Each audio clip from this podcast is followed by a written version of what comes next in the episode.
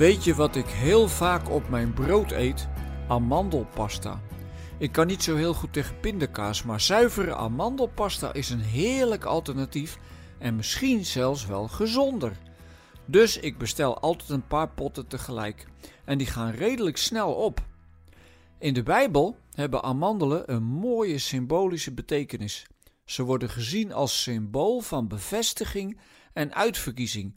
Als de profeet Jeremia geroepen wordt voor zijn taak, zegt de Heere God tegen hem: Zo zeker als een amandelboom in het voorjaar uitbot, zo zeker laat ik mijn woorden uitkomen.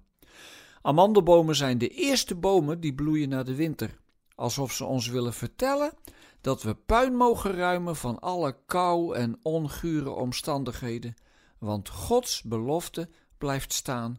Er komt weer een nieuwe zomer aan. De luchter van de ark van het verbond moest ook versierd worden met amandelbloesem. Amandelen zijn alweer gezonde vruchten. Dus wie naar de amandelboom kijkt en zijn vruchten gaat eten, die begrijpt iets van het leven. Ik weet niet of jij iemand bent die veel bevestiging nodig hebt. Misschien moet je dan wat vaker Gods amandelen eten. Daar bedoel ik mee dat wij altijd geneigd zijn om onze bevestiging bij andere mensen te zoeken. Ik ook hoor.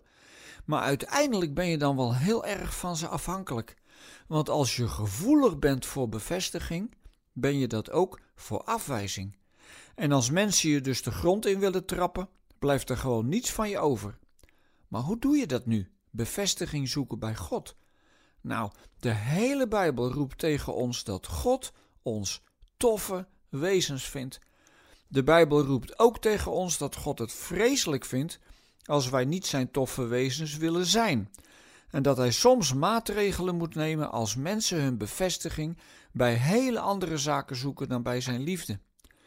Wie zijn bevestiging kan vinden bij God, is veel minder kwetsbaar voor negativiteit. Want God gaat ver boven onze aardse lugubere spelletjes uit. Maar aan de andere kant ben je natuurlijk wel kwetsbaar, omdat je je gewonnen geeft. Maar wie zich gewonnen geeft aan God, ervaart alleen maar dat Hij ons werkelijk nooit kwetst, maar alleen maar wil opbouwen.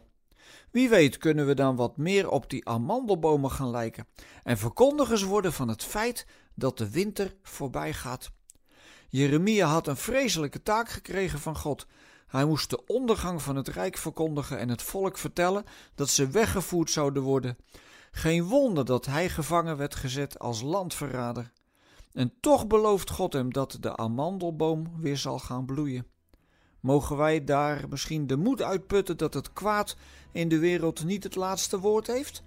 Dat wij aankondigers mogen zijn van een aarde die, wie weet wanneer hij ooit komt, die helemaal vol zal zijn met bloeiende amandelbomen, waarin het leven regeert en niet de dood?